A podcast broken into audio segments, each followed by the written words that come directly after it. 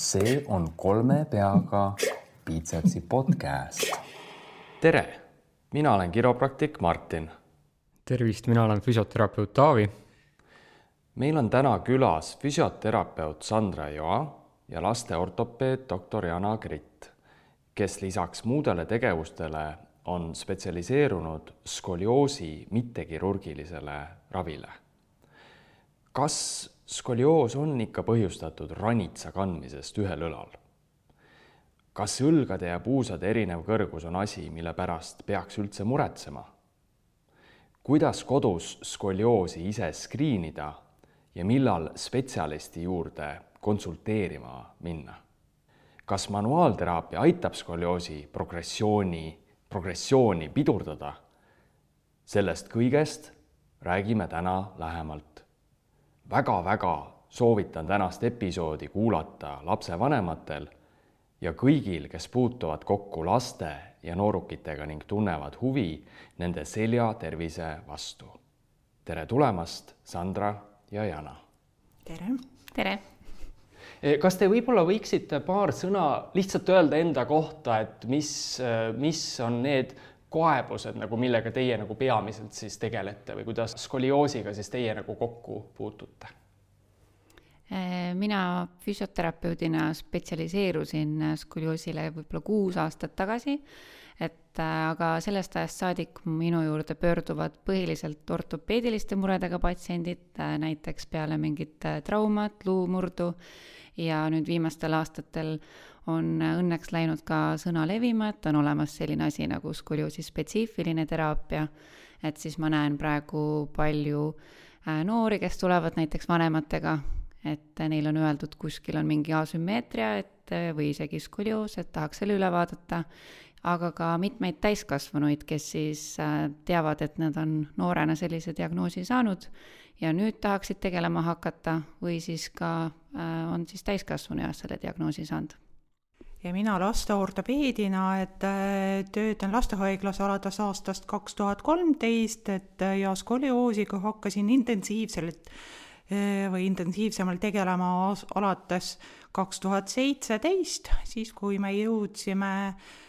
ortoosimeister Sander Sirbiga ja füsioterapeut Kristjana Lõukesega ühel skolioosi spetsiifilisel koolitusel ära käidud, et käisime Saksamaal ja õppisime preisingu tehnikud ehk skolioosi spetsiifilist korsetitehnikat ja nüüd on see Eestis võimalik ka. Ja alates kaks tuhat kaheksateist, et on loodud skolioosi selts Katariina, kus me koondame, et füsioterapeute, taastusraviarste, äh, psühholooge, osalised kooliõed suunavad meile lapsi ka mm. -hmm. no super, nii et mingis mõttes siis võib ju öelda, et kas skolioosi selline konservatiivne ravi on teinud niisuguse tugeva innovatsioonihüppe Eestis või? ju ju selle võib alusel. võib öelda. Ma arvan, et Jaan on väga tagasihoidlik, et, et ta on kindlasti. teinud selle nagu tohutu hüppe, et, et kaks tuhat kaheksateist tegelikult Eestis skolioosis ravi sai alguse tänu nendele kolmele inimesele, et just siis see teaduspõhine korsettravi, ma mõtlen. okei okay,, väga äge.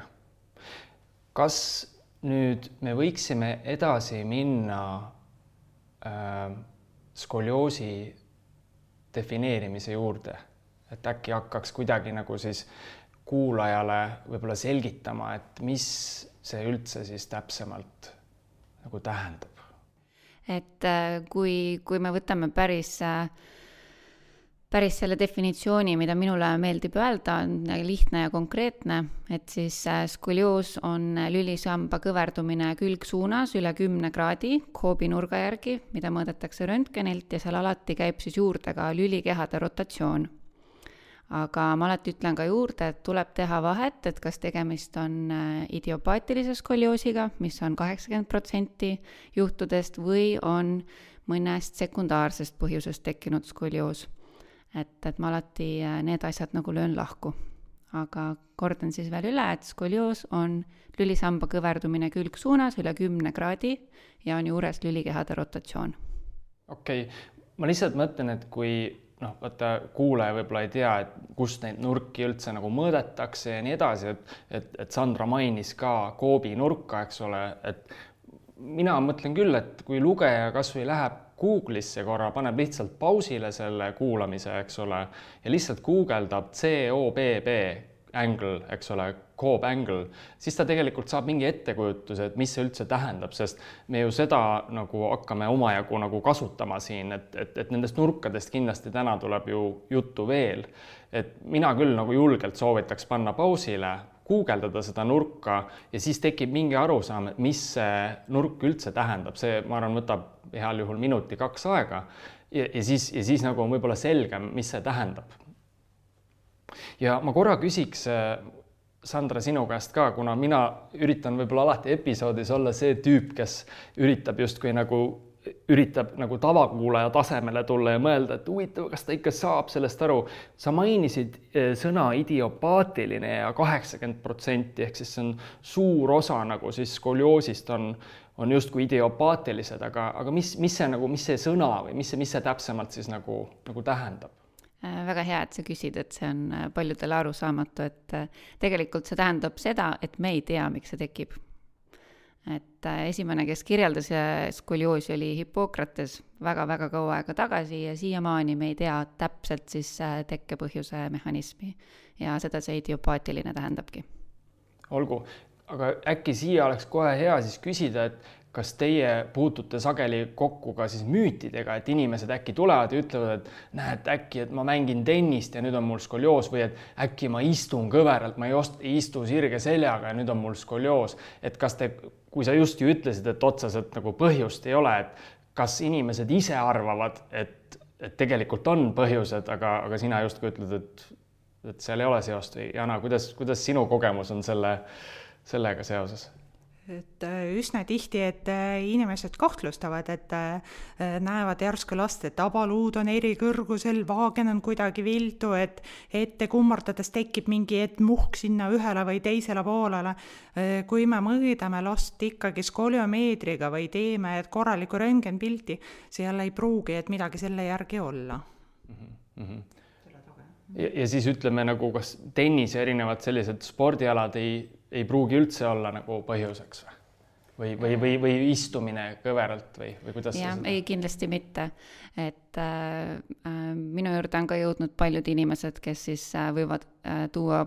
võimalikeks põhjusteks, et jah, et laps kandis mingit ühe õlakotti või et kas ta mängib tennist või, või on ta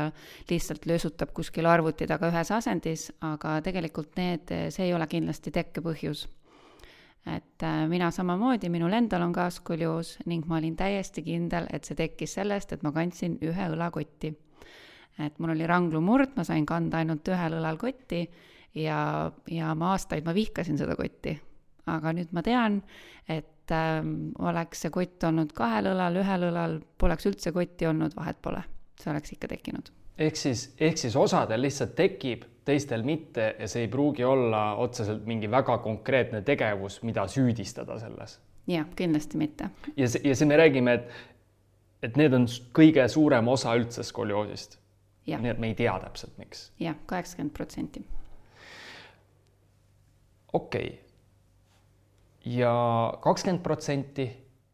alles jäänud on äh, kongenitaalsed skolido-, skolioosid, et äh, anomaaliast tingitud, et lüli anomaaliast, et nagu see on lülid kas äh, plokis või roied on valesti formeerunud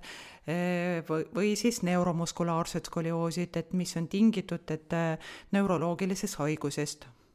okei okay,, kas, kas need on siis näha juba nagu varakult, selles mõttes varases eluetapis või? kongenitaalsed on reeglina, et nähtavad, et kuskil teisel-kolmandal eluaastal, jah mm. -hmm olgu, olgu. ja kas see on siis need asjad, mille, millega sina nagu tegeled või ortopeedid tegelevad ka aeg-ajalt siis nagu nii-öelda? reeglina satuvad ikkagi ortopeedi vaatevälja mm -hmm. ja siis me suuname neid seljakirurgidele, sest eh, need kongenitaalsed reeglina, et vajavad ikkagi operatiivset käsitlust ja seda juba suht noores eas, et eh, vanuses ütleme, et neli kuni kuus aastat. olgu, olgu. kui me siin ähm, Äh, rääkisime, et me täpset põhjust ei tea, et kas on olemas mingid riskifaktorid, mis nagu justkui on nagu selle skolioosi mingiks aluseks või tõstavad tõenäosust, et meil tekib, et kas neid, neid, neid on olemas või ei ole? Äh, on ikka, et äh, on leitud, äh, et põhjapoolsetes riikides, kus on päikest vähem, seal on skolioosi rohkem, ehk siis näiteks siin Eestis, siis on kindlasti ka geneetiline eelsoodumus Äh, siis kui sa oled naisterahvas, siis on oluliselt suurem tõenäosus, et sul on suuremad äh, siis skolioosid, et väikeseid kurve on poistel ja tüdrukutel võrdselt, aga suuri kurve on tüdrukutel nagu oluliselt äh, rohkem. Ähm, noh, küll praegu küll uuritakse, et täpselt kuidas see skolioos nagu tekib, tehakse kaladel igasuguseid geneetilisi uuringuid ja kõige kõige täpsem selgitus, mida praegu arvatakse, et miks skolioos nagu siis võiks tekkida, on äh, tegelikult äh, siis lüli kasvuhäire, et näiteks üks seljalüli hakkab eestpoolt kasvama kiiremini kui teiselt poolt, see muudab ta sirgemaks ja see kohe muudab siis seljale mõjuvaid äh, jõudusid ja ja läbi siis raskusjõu ja selle sirge selja siis arvatakse, et tekib selline äh, öeldakse nagu surnud ring, mis siis tekitab seda skolioosi, et see on nagu kõige lähim põhjendus, mis praegu teadus on, on välja toonud, aga teadustöö käib. hästi, kas ähm, äh, siin on läbi käinud ka strukturaalne ja funktsionaalne skolioos, et mis on nende erinevus äh,? seda on äh, tegelikult äh, võimalik väga lihtsast äh,, lihtsasti kindlaks teha, et äh, kui me noh, mõtleme, et mis see skolioos on, kus me seda näeme, et äh, inimene näiteks seisab, tal on õlad äh, ebavõrdsel kõrgusel, tal on puusad äh, ei ole võib-olla ühesugused või ta on näiteks kaldunud ühele või teisele poole,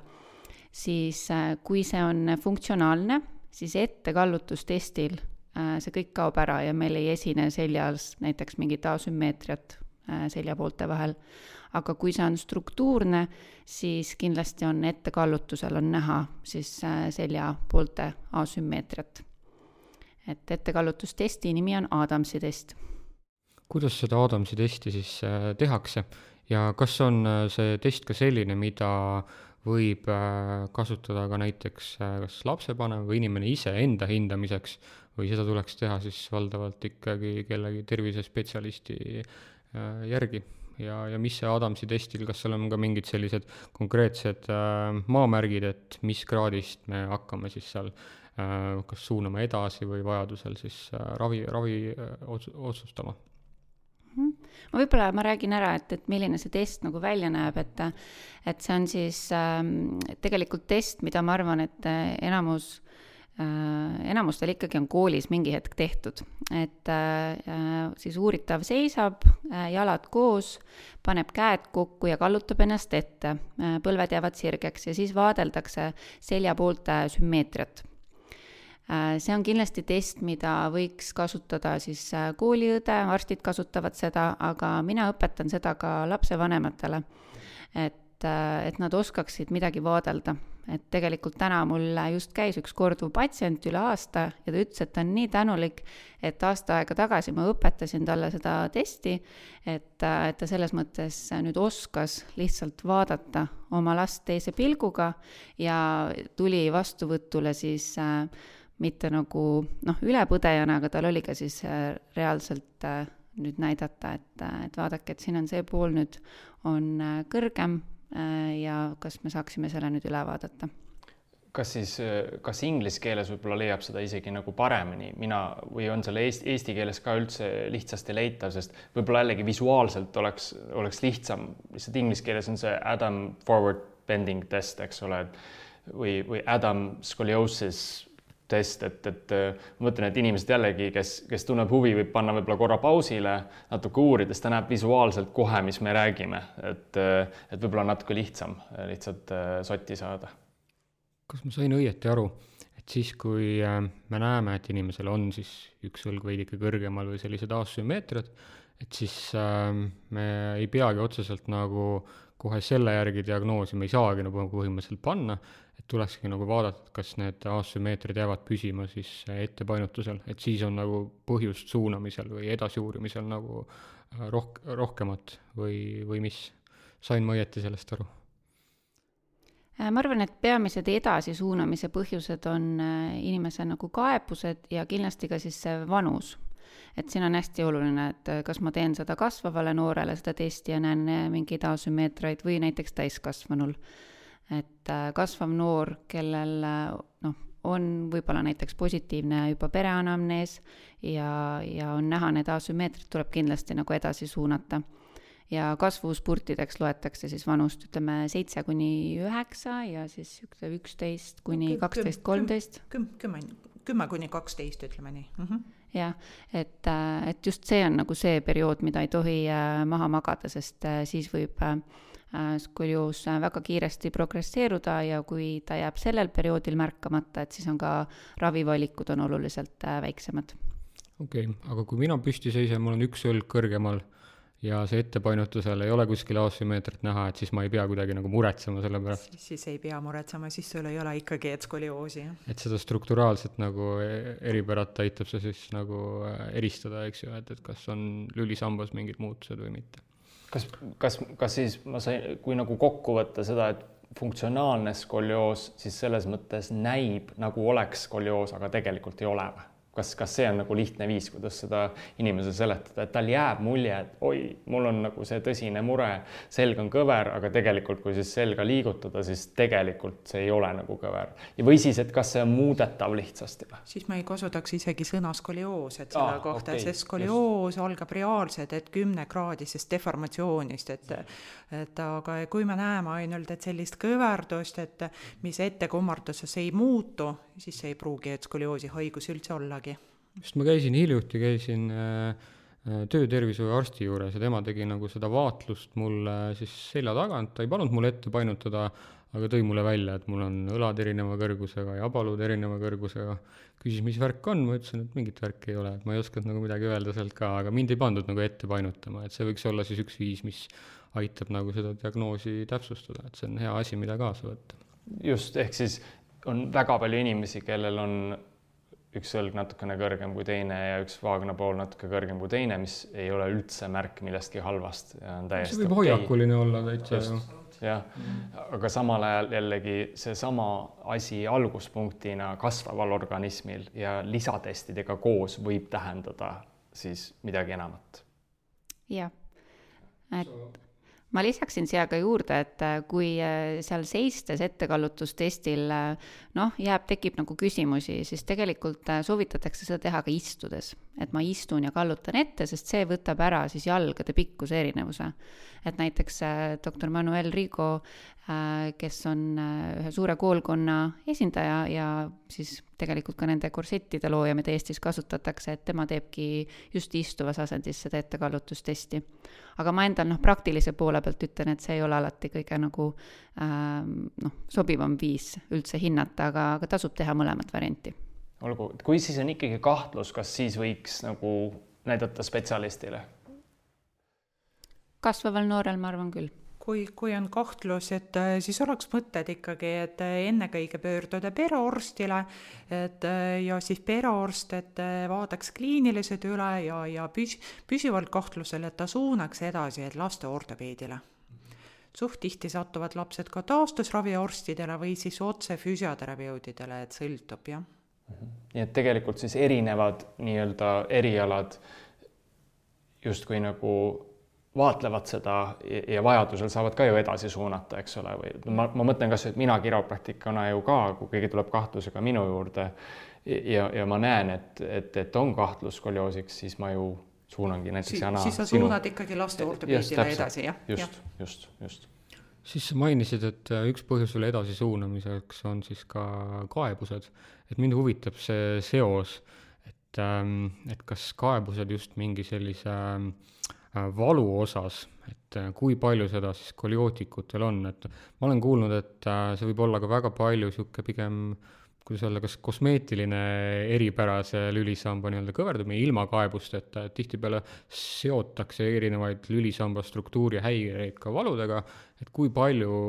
üldse siis näiteks koliootikutel on valukaebused, kas neil on rohkem kui näiteks inimestel, kelle lülisammas on kuidagi sirgem või see on natukene ikka täitsa eraldi asi, see valuteema? Skolioosist? kindlasti see on täiesti eraldi teema, et kui ma mõtlesin, et kui ma ütlesin, et neid võiks edasi suunata, siis ma isegi mõtlesin seda selles vaates, et nad saaksid lihtsalt oma küsimustele vastused Äh, ja nad ei jääks võib-olla mõtlema selle peale. et äh, noh, mina nii omast äh, noh, isiklikust kogemusest kui siis ka patsientide peal kogemusest ja tegelikult ka teadust lugedes, siis seal ei, ei ole mitte mingisugust seost, otsest seost siis skolioosi ja, ja valu nagu vahel et on pigem leitud seos, et kui sa tead, et sul on skolioos, siis sul on rohkem seljavalu, aga kui sul, kui sa ei tea, siis sul on vähem. mis selle põhjuseks võib olla Äh,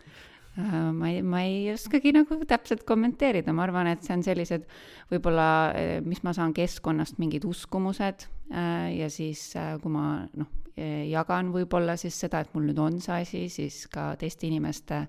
arvamust sellest ja ma võtan seda endale omaks. et väga palju on selliseid nagu äh, müüte ja, ja valearvamusi, mida inimestel skolioosi kohta on. okei okay,, nii et ähm Äh, tuli siis siit välja ka, et kui inimene ikka on kasvueas, olenemata sellest, kas tal isegi valu on või mitte, et siis äh, põhjus suunamiseks on, et kas kasvueas on siis ka võimalus, et see progresseerub kuidagi kiiremini edasi või kuidas sellega on?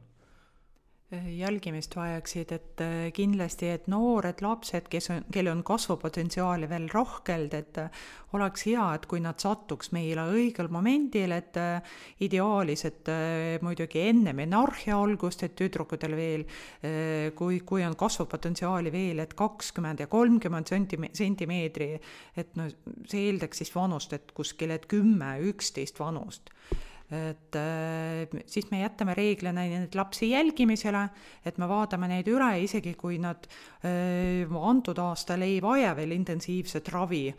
siis me kutsume neid aasta pärast kontrolli ja nad jäävad meil, meile süsteemi. Et siis saab nagu jälgida seda progressiooni ka, eks ju, et, et kas on üldse vaja ravi planeerida või mitte. Kas, kas ma olen õigesti aru saanud, lihtsalt lugedes äh, jäi mulje, et, et skolioos võib tekkida noh, siis nii-öelda mis tahes eas, selles mõttes, et suurem tõenäosus on siis kasvuspurtide ajal, eks ole, progressioon, nagu eelnevalt sai need ajad mainitud, aga et kas võib täitsa nii olla, et on noor, kelle nii-öelda selg on täitsa sirge, ütleme seitsmeaastaselt, eks ole, kontrollides, testid on kõik nagu korras ja siis ütleme, seesama nooruk, ütleme siis naisterahvas või tüdruk, eks ole, naissoost, siis on, ütleme, üheteistaastaselt on siis näha, et nüüd on skolioosi nagu, nagu tunnused siis, et, et, et kas võib täitsa nii olla, et ja mõnel võib olla siis seitsmeaastaselt juba või kuidas, kuidas, kuidas sellega on suht tihti me näeme, et seitsmeaastaselt, et pöördub, et tal on sellised primaarsed esmased vihjeid, et tal võiks miskit olla, et selline minimaalne vaagnakalle, minimaalne et kõverdus, siis me veel isegi, et röntgenid ei hakka sellele lapsele valmistama, aga et noh, nagu eelnevalt mainitud, et me jätame süsteemi, et me kutsume tagasi, et see võib sügavamaks minna. Ja, ja arvestades, et noh, alati peab kontrollima, kui on pereliikmetest keegi, et skolioosi kandja ka, siis e-laps vajab intensiivsemat kontrolli. Olgu, ja siis üks asi, mis ma veel lugesin, mis on võib-olla kuulajale hea nagu selgitada, on see, et, et äh, mida kõrgemaks läheb nagu lapse või nooruki iga ja mida paremad on testid, seda suurem tõenäosus on, et tal ei teki skolioosi. ehk siis mida varem, mida suurem nurk on, seda suurem tõenäosus on, see läheb halvaks. Kas nii? Olete, olete, kuidas seda kommenteerite? jah, no täiesti on olemas tegelikult äh, valem äh, progressiooniriski arvutamiseks, mis kehtibki siis ainult äh, alaealistel. valem tegelikult on olemas ka noh, internetis, aga, aga selle jaoks on vajalik teada siis lapse kasvupotentsiaali. ehk siis üks valemi osa on Risseri märk, mida vaadatakse röntgeni pealt, et kas siis vaagnõluharjad, kui palju nad luustunud on et äh, noh, kui näiteks on neiu, kellel veel ei ole äh, alanud menstruatsioon, siis ta on kindlasti risser null. Ja, ja kui tal on juba seal ähm, noh, ütleme kakskümmend kraadi, ta ongi seal võib-olla üheteistaastane, siis me saame äh, valemisse panna need numbrid, me leiame selle äh,, selle vastuse, paneme selle tabelisse ja tabel siis äh, näitab meile ära progressiooni riski suuruse ja siis sellel hetkel sobiliku äh, ravi sekkumise et, et ma tegelikult ise kasutan, kui mul on olemas see Risseri, Risseri märk, et siis ma kasutan seda valemit tegelikult päris palju, ühelt poolt nii, ütleme siis patsiendi rahustamiseks kui siis ka suunamiseks ravile, et ta saaks aru, et, et nüüd on vaja tegutseda ja see Risseri äh, sign või kuidas see eesti keeles, et see, see näitab siis nii-öelda skeleti küpsusastet nii-öelda või, ehk siis. vaagnaluude mm. -hmm. jah, ja, ja see ehk siis võib-olla näiteks kaks tüdrukut, üks on, mõlemad on üheteistaastased, aga üks võib olla siis oma nii-öelda arengus ees ja teine taga, et ma saan aru, et kahe üheteistaastase tüdruku ühe risser võib olla näiteks null kuni kaks-kolm, jah? jah, et, et see on erinev. arusaadav, just, et seda siis kasutatakse selleks, et seda päriselt bioloogilist nagu skeleti agre-, arengut nagu siis äh, mõõta nii-öelda. jah, no võib-olla kõige lihtsam on öelda, et, et kui palju veel potentsiaalselt see laps kasvab. ahaa, selge. ja mida rohkem selge. tal kasvu järgi on, seda suurem on risk, et, et see kurv läheb suuremaks. just okei okay., nii et kas siis, kas siis seda arvesse võttes võiks öelda, et näiteks kui ütleme, neiu on juba kuueteistaastane ja, ja näiteks tal testimisel siis ja röntgenoloogilisel uuringul see nurk on, ütleme kümme, siis võib öelda, et väga vist enam muretsema ei pea või? just nii, et eh, kui, kui me teeme, et Vaagnas pildi, et eh, seal me näeme, et risser viit juba ja kui me teeme, et juurde labakäest pildi, et seal on omaette klassifikatsioon, seal on Sander seitse-kaheksa, et noh, eh, siis on see, siis on see noor tüdruk, et enda kasvu saavutanud ja skolioos ei pruugi enam sügavamaks minna just ehk siis, ehk siis teie mure tegelikult nagu ütleme siis ka kasvava organismi üle aina nagu väheneb nii-öelda, mida vanemad nad on ja mida väiksemad kraadid neil on. just. ja sest, sest ma arvan, et üks asi, mida nagu inimesed ei tea, on see, et minu kogemus on vähemalt, ma ei tea, mis teie kogemus on, aga minu kogemus on see, et väga paljud inimesed arvavad, et, et, et justkui skolioos võib läbi elu lihtsalt ühel hetkel ta süveneb ja süveneb ja süveneb, eks ole, aga tegelikult ju justkui nagu siis teatud hetkel justkui lülisammas saavutab oma kuju ja ta tegelikult jääb üsna stabiilseks selle numbri lähedal, et kuidas, kuidas, kuidas te seda nagu kommenteeriksite, et nagu rahustada inimesi, et need, kes juba on kolmekümne või neljakümne aastased, nad ikka ei muretseks oma nende väikeste mingite nurkade pärast või kasvõi kahekümne aastased, eks ole, ei muretseks. isegi need, kellel on kerge skolioos no teadus ütleb, et kui, kui sul on üle kolmekümne kraadi, et siis on äh, tõenäosus, et ta elu jooksul progresseerub, kui on alla kolmekümne kraadi seesama koobnurk, äh, siis on äh, väga väike tõenäosus, et see progresseerub, kui üldse. ehk siis, kui inimene on täiskasvanud, ütleme, ta on siis näiteks kahekümne aastane ja, ja ta nurk on alla kolmekümne, siis põhimõtteliselt see jääb enam-vähem sarnaseks ja ta ei pea muretsema, et see läheks hullemaks siin peab mainima, et inimene Nii. peab eluaeg ikkagi füüsiliselt aktiivne olema, et äh, ta peab ikkagi tähelepanu, et seljalihastele pöörama. see on äh, väga põnev, et siis kui kasvueastu progresseerub, kas kasvuiga on ka siis see, kus äh, on seda skolioosi võimalik ka mingis osas mõjutada et ta ei progresseeruks, et ma saan aru, et see screening teie jaoks ongi nii tähtis, et te saaksite varakult need noored kätte ja need, kes on äh, on tõesti nagu seal riskis, et nad saaksid ka varakult ravi, on mul õigus, eks ju. ja äh, kas siis kasvuiga on ka siis äh, see aeg, kus on võimalik seda lülisamba kuju veel siis äh, sirgemaks kuidagi kujundada või, või mis need, mis need ravivalikud seal nagu on selles osas? primaarne ravivalik on ilmselt skolioosi spetsiifiline teraapia, et siis me juhatame patsiendi ikka taastusravisse, et meie füsioterapeudid tegelevad aktiivselt ja edasi alates äh, kahekümne viiest kraadist, et äh, mis on mõõdetud röntgenogrammil, on näidustatud korsettravi. Sandra, äkki kommenteerid skolioosi spetsiifilist ravi? jah, sa võid mhm. julgelt nagu neid, neid kõiki osasid, mis sinna puutuvad, kommenteerida, sest inimesed ju üldse ei tea, et mis, mida see ravi tähendab või, või mis, mis, mis sinna kuulub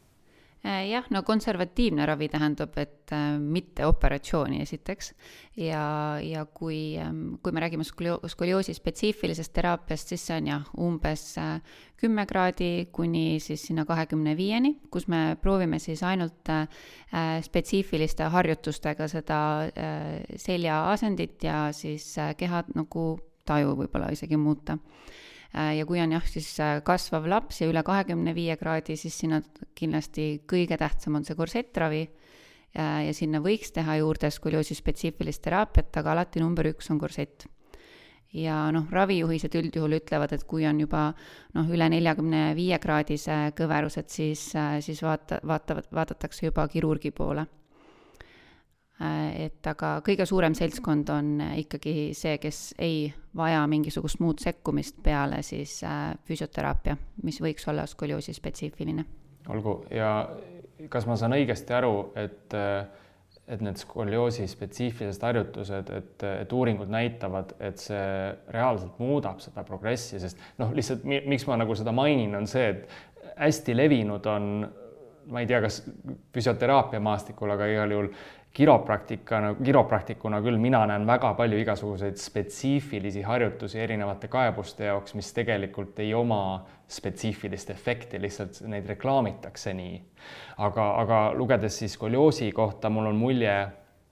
noh, mitte ainult mulje, aga, aga, aga uuringud ju näitavad, et need spetsiifilised harjutused siis äh, reaalselt nagu mõjutavad seda progressi siis heas suunas, et, et nad pigem siis hoiavad seda progressi nagu ära või heal juhul isegi mõnel juhul parandavad, et jah, alati, alati nagu... ravi esimene eesmärk on alati progressiooni peatamine. Et,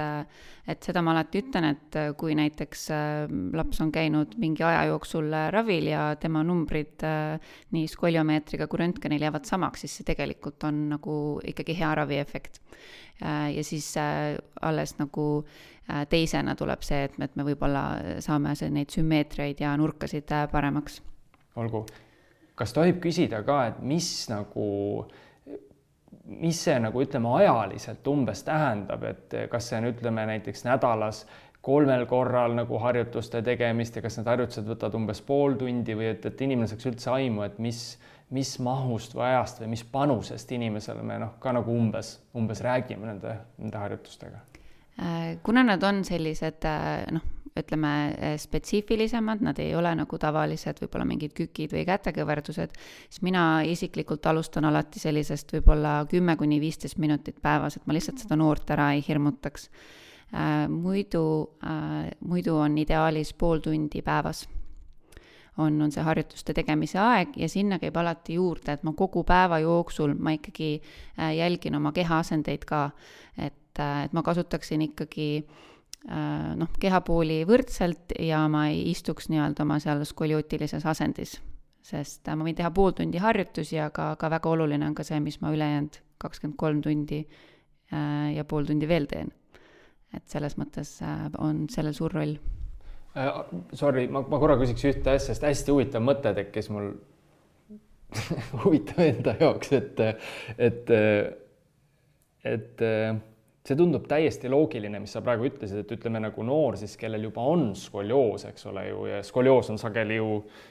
sageli eeskujuline, aga me neist kujudest ei olegi vist rääkinud yeah. täpsemalt, aga, aga et, et see on täitsa loogiline, et pigem ju sellisel juhul ju, kui ta on kasvav organism ka ja tal on see risk, eks ole, siis muidugi me ei tahaks, et ta ju istuks nagu just sedapidi, et, et see süvendaks seda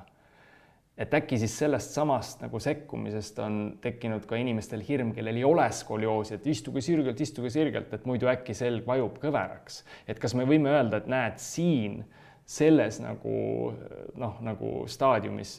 ongi vaja võib-olla istuda no nii-öelda sirgelt või siis istuda mitte kõveralt ja see on oluline. aga nagu enamik inimesi, kellel ei ole, ütleme, skolioosi, võivad istuda ükskõik mismoodi või noh, saad sa aru, kuhu ma jaa nagu..., ma saan väga hästi su mõttest ja. aru, et noh, üldjuhul äh, me ikkagi äh, esmaselt õpetame äh, asendeid nagu sümmeetriliselt tegema, aga kuna noh, meil on tihti asendeid, mida, kus me oleme nagu tundide viisi, et siis seal äh, tihtipeale on vajalik see nagu äh, harjumuspärast kehaasendit natukene nagu mõjutada, sest loomulikult äh, mul on nagu mugavam istuda sinna skolioosi poole ja, ja siis ma teen seda nagu ka oluliselt rohkem arusaadav, ehk siis siin lihtsalt mina ütleks, et võib-olla siis see istumise asend võib olla olulisem sellises olukorras, aga me ei saa võib-olla seda tavapopulatsioonile nagu soovitada kõigile samamoodi, moodi, eks ole. no mina ütlen seal samamoodi, et sinu parim asend on su järgmine asend ikkagi. okei okay,, okei okay., ikkagi variatsioon on ikkagi variatsioon oluline. on oluline, selge, olgu. ja kuidas siis selle korsettraviga on, et mida, mida, sest seal on erinevaid korsette, eks ole, osad on pehmemad, osad on jäigemad, et kuida-, kuidas sa seda üldse kommenteeriksid, et ma lugesin, et osad, olenevalt kui hull see skolioos nii-öelda on, eks ole, sellest olenevalt raskusastmest, et mõnikord seda peab kandma kakskümmend tundi ööpäevas, mis on jäik rohkem äkki te kommenteerite ütleme, seda? skolioosi puhul, et äh, ei ole pehmed korsetid, korsetid on kõik jäigad korsetid Ah, individuaalselt valmistatud, et kurvi järgi, et äh, seal on enda kriteerium, et kuidas selle valmistada, et vastavalt kurvile, et vastavalt vanusele äh,, seal on kandmisvariante ka, kas päevast kandmist äh, või kakskümmend kolm tundi kandmist äh, või siis ainult öist kandmist, et äh, kui kui, kui me näeme juba head tulemust, et siis me piirdume ainult öise korseti kandmisega. Olgu, ja kuidas patsiendid seda nagu noh, vastu võtavad, ma mõtlen, et nad on ju niisuguses eas, sellises eas, kus ja noh, sageli nagu me rääkisime, et suurem osa on ju naisterahvad või noh, mitte naisterahvad, ütlen kogu aeg valesti, et tüdrukud, eks. et, et see visuaalne pool ja välimuse pool on ju ka oluline, et kas, kui suur see, see korsett on, kas ta on nagu visuaalselt, on ta näha riiete alt või kas ta on üldse mugav või ebamugav või kuidas üldse, kuidas üldse nagu noored või lapsed sellega nagu toime tulevad? Korsett on pigem eb- ebamugav, et me peame, peame tunnistama, aga et kui laps ja et lapsevanemad ja, ja pered esinevad, et toena, siis laps saab selle tähtsusest aru ja hakkab selle kasutama. et väga, väga tähtis on see, et pere oleks, et lapse taga, et nad regulaarselt kodus räägiks selle tähtsusest, et Sandra võttis selle sisse, et öö, enamus Sandra lastest, et saavad öö, kor-, korsetile nime anda ka, et mis kõige levinum nimi on, Stefan on ilmselt. jah, mulle, mulle meeldis äh, ühe, ühe tüdruku korseti nimi oli Chanel number five, sest see oli ta viies korsett okei okay. et, äh, et ühesõnaga äh, noh, et, et see tehakse nende nagu noh, ikkagi omaks, et see ei ole mingisugune võõras abivahend. ja noh, mina noh, näen ka seda, et võib-olla see nooruk seal arstikabinetis või, või minu juures nagu naeratab ja läheb sellega koju, aga noh, lapsevanem on tegelikult see, kes siis noh, peab olema kodus see tugi. kindlasti ma näen suurt rolli selles, et et kuna noh, see ei ole nagu nii levinud ja see tegelikult äh, eriti praeguse moega, see kursett tegelikult ei paista välja, siis sellel lapsel võib jääda tunne, et ta on nagu üksinda sellega et siis on tegelikult ülioluline äh, leida võib-olla kedagi teist, kes kannab seda korsetti ja, ja tegelikult selle jaoks oleme äh, ka Skoliosi seltsiga korraldanud neid üritusi, et nad näeksid üldse, et, et teised teevad samasuguseid harjutusi, nad kannavad samasugust äh, korsetti, et see ei oleks mingi tabuteema mm. -hmm kui tihti seda, kuna ju noh, laps ikkagi ja nooruk kasvab, eks ole, ma eeldan, et siis seda peab mingi aja pärast ju nagu jalanõusidki, jalad kasvavad, peab vahetama, et kas kord aastas või kui tihti seda uut Re. reeglid umbes samad nagu jalatsidel, sul oli õigus, kord aastas või kümne sentimeetri kasvu puhul, jah et äh, kui laps viskab järsult, et kümme sentimeetrit pikkust juurde, siis me, et äh, vahetame. vahest ka varem, et noh, kuus-kaheksa sentimeetri laps ei mahu enam, korsett ei ole enam efektiivne, siis see vajab väljavahetamist. olgu. -hmm. ja kas korsetiga tohib äh, sportida ka või kuidas sellega lood? kindlasti, et teadus nüüd õnneks on tulnud järele, et varasemalt võib-olla ongi tundunud, et, et, et miks see skolioos nii müstiline teema on, nii vähe teadust on selle, sellega tehtud ja lihtne põhjus ongi see, et, et kui me tahame teha head teadust, siis meil on vaja kontrollgruppi. aga skolioosi puhul see eeldaks, et meil on äh, mingi osa siis noortest, kes vajaks ravi, aga nad ei saa seda. ehk siis sellepärast on väga raske teha nagu head teadust. et äh, ehk siis me ei saa jätta neid ravita, kui me teame, et ravi toimib. et see on me teame, nagu, et ravi toimib. et kuule, et sina nüüd, Stefan, ei saa seda korsetti ja võib-olla sul progresseerub see nii kaugele, et sa vajad operatsiooni, et see lihtsalt ei tuleks kõne alla nii-öelda. jah, üks eh, noh, esimene, eh, esimene uuring, mis eh, näitas korsettravi efektiivsust, see lõpetati nagu varem ära, sest nad said oma efekti kätte ja ja ei olnud enam siis vaja võib-olla piirata osade laste nagu ravi. ehk siis, kas korseti efektiivsus on nii hea, et kui õigel ajal nii-öelda seda alustada, siis põhimõtteliselt see nurk ei süvene, ei progresseeru ja jääb enam-vähem samaks, mis ta siis sellel leid, leiu hetkel, märkamise hetkel oli või? eesmärk on isegi, et äh, progressiooni piirata või isegi viiekümne protsendi äh, parandada olgu mm, -hmm, olgu jah. ja, ja kui kaua siis see noor seda kandma peab, et tõenäoliselt mitte elu lõpuni või? kasv, kasvu, kasvu lõpuni jah. jah, ehk siis mm -hmm, jällegi ja. ma eeldan, et kas see käib siis ka selle Risseri järgi või? just risser on viis, põmm, lendab ja laps jookseb ja on rahul, kõik, kõik toimub. suht tihti me võtame sellise, sellise sisse, et äh, lõpetame kakskümmend kolm tundi kandmise ära ja siis astume üle töise kandmise peale, et siis laps kasutab, et järgmised kuus kuud kuni aasta veel öösiti ja, ja siis on vaba. Selge, ja see on siis umbes kaheksateist eluaastat või umbes või mis see, mis see, mis see RIS-er viis tähendab või isegi? suht tihti ka neliteist, viisteist tüdrukutel, jah. Vau, okei keskmiselt vist on, ütleme, kaks pool, kolm aastat on korseti kandmise aeg. aga see on ju isegi selles mõttes, mina ütleks, suurepärane uudis, sest ausalt öeldes kõiki neid uuringuid, mis ma nüüd lugesin skolioosi kohta, siis ma lugesin neid erinevaid termineid, aga ma ei mõelnud nagu otseselt, mis see ealiselt siis võiks tähendada, et mina arvasin, et nad kannavad seda, sorry, ma arvasin, et nad kannavad seda kümme aastat võib-olla ja siis lõpetavad, eks, aga kui te ütlete, et näed, saategi seal noore võib-olla üheteistaastaselt kätte õigel ajal ja siis kolm-neli aastat kanda, see ei olegi ju nii, nii hull isegi, kui tulemused on ka nii head. jah, no pigem jah, alati jälgitakse seda väga lähedalt ja ei kanta nagu seda korsetti niisama, sest see ikkagi ju ka piirab selja liikuvust. Ja enne jäi veel vastamata see Äh, sportimise teema, et, et kindlasti korsetiga on äh, väga oluline äh, teha ka sporti, praegu seesama nüüd teadus, mida on võimalik natuke rohkem teha, näitab, et ükskõik, mis spordiala sa teed, siis see ka parandab tegelikult korsettravi tulemusi. et korseti siis me võtame ära, kui me teeme trenni. et ei juhtu mitte midagi, kui, kui ma olen selle ilma selleta paar tundi päevas. Super, nii et kui see laps või nooruk tunneb, et tal on tüütu korsett peal, siis tal on variant visata korraks ära ja selle asemel teha sporti. jah. okei okay., no see kõlab ju toredasti kui laps on ennem balletikoolis käinud, et see ei ole põhjus, et balletikooli nüüd katkestada, jah. selge, olgu, väga hea. tundub hästi loogiline, et kui sa siin ennem mainisid, et äh, kui see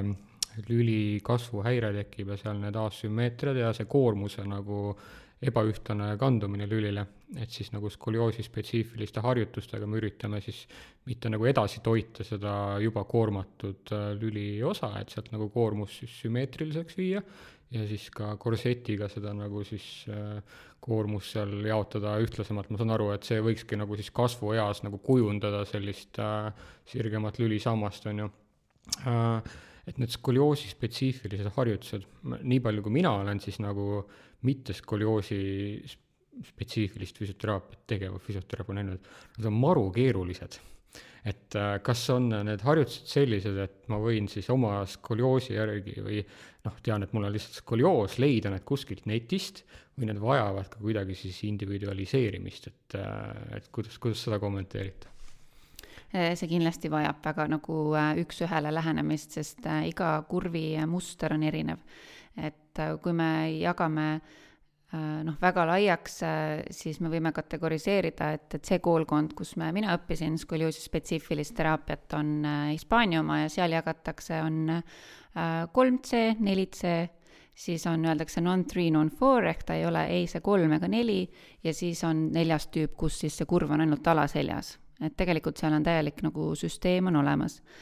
Äh, no natukene nende põhjal saab standardiseerida harjutusi, aga need on ikkagi alati väga-väga individuaalsed. see et... ei ole midagi, mida inimene netist lihtsalt leiab oma skolioosile, et see vajabki üks-ühele nagu spetsialistiga koostööd ja harjutuste nagu leidmist, eks ju? jah, kindlasti et eh, sest eh, mõni laps võtab väga hästi omaks need harjutused, ta nagu tunneb huvi ja ta tahab minna nagu edasi. mõnel lapsel võtab natukene see rohkem aega ja mõnele need ei sobi üldse, et siis noh, selles mõttes need ei sobi talle, et ta noh, ma näen, et need on talle nagu liiga frustreerivad või rasked teha ja siis ma leian tema jaoks mingi muu alternatiivi, et ma ei saa teda sundida tegema midagi, mis ma näen, et, et et äh, noh, et talle ei meeldi äh,, ei tule välja, et, et see võib-olla tekib, tekitabki võib-olla seda vastumeelsust äh, liikumise vastu. No nagu iga trenniga, et see peab olema meeldiv, kättesaadav, kõike muud, eks ju, et, et sa võtad siis nagu halvimast situatsioonist parima, et, et üritad nii palju kujundada seda, kui saab harjutused on suht staatilised ja sellised monotoonsed, et need ei ole nagu, et tavaspordiga võrreldavad, jah. ja nad on noh, ütleme väga igavad ühe teismelise jaoks aga kas nende harjutuste ajal, kuna nad nõuavad mingit nagu staatilist asendeid, saab ka midagi muud teha, Netflixi vaadata või midagi sellist, et sa mainisid, et see, see on nagu teadlik hoiak läbi päeva, et see on ka nagu üks äh, osa? Äh, jah, no ma saan kasutada neid oma äh, noh, õpitud uusi asendeid igapäevategevustel, aga kui ma teen päris siis neid spetsiifilisi harjutusi, siis seal on vaja nii palju mõelda, et pigem ma näen, et lastel lihtsalt ei ole seda võimekust nii kaua keskenduda et sinna midagi samal ajal vaadata, kuulata ei, ei ole mõeldav. kujutan ette, et päris raske on ka õpetada seda nagu tunnetust äh, kehal, et äh,, et see on ka oma, omajagu niisugune pähkel, eks ju. Jah, ma omast kogemusest äh, näen, et lapsed, kes on käinud äh, trennis, äh, neil on palju parem kehatunnetus, nad saavad minust nagu paremini aru ja, ja nendega on nagu oluliselt lihtsam et, et noh, tõesti noh, ma ei hakka suruma, kui ma näen, et, et see on lapsele nagu äh, liiga palju. kas on ka harjutuste osas midagi universaalset, mida me saame soovitada, me teame, et enamus spordialad on meil siis mööda põhimõtteliselt sagitaaltasapinda, on ju, eest äh, taha suunas, aga kuna see skolioos on siis see rotatsiooni komponent seal juures ja see külje suunas nii-öelda komponent äh, juures, et kas on ka midagi universaalset, et näiteks kui ma teen mingit külgtoengus näiteks olekut, mingit pallov-pressi harjutust, kus mul siis kas rotatsiooni või külje suunas koormused tulevad, kas need kuidagi aitaksid ka kas pidurdada skolioosi või mingit riskifaktorit vähendada või kuidas seda kommenteerite? Äh, mina ütlen, et ainult siis, kui ta, äh, kui ta oskab hoida äh, enda siis korrigeeritud asendit, siis ta saab teha neid, ütleme, seda Pavlovit või, või külgplanku. et tal peab olema see, see oskus oma keha siis võimalikult ütleme siis kolmemõõtmeliselt sirgena hoida et, et selle, see teebki selle skolioosi ja selle ravi nii keeruliseks, et see on kolmemõõtmeline muutus, et see ei ole lihtsalt külgsuunas liikumine, see ei ole ka ainult nüüd külgsuunas liikumine ja rotatsioon, lisaks on alati ka äh, lameselgsus. ja, ja see on üks dimensioon, mida on noh, väga raske käsitleda. okei okay,, nii et äh, et noh, trenni tegemine on igatpidi lubatud, teretulnud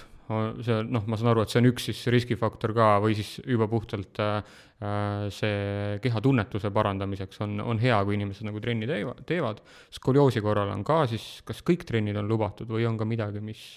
ei ole so-, so-, soovitatud? mina luban küll kõike teha, mis meeldib. kui mulle meeldib jõusaalis käia, mul on skolioosi diagnoos, ma võin seda teha jõusaalis on võimalik neid skolioosi spetsiifilisi ülesandeid teha ka, et võtta neid programmi sisse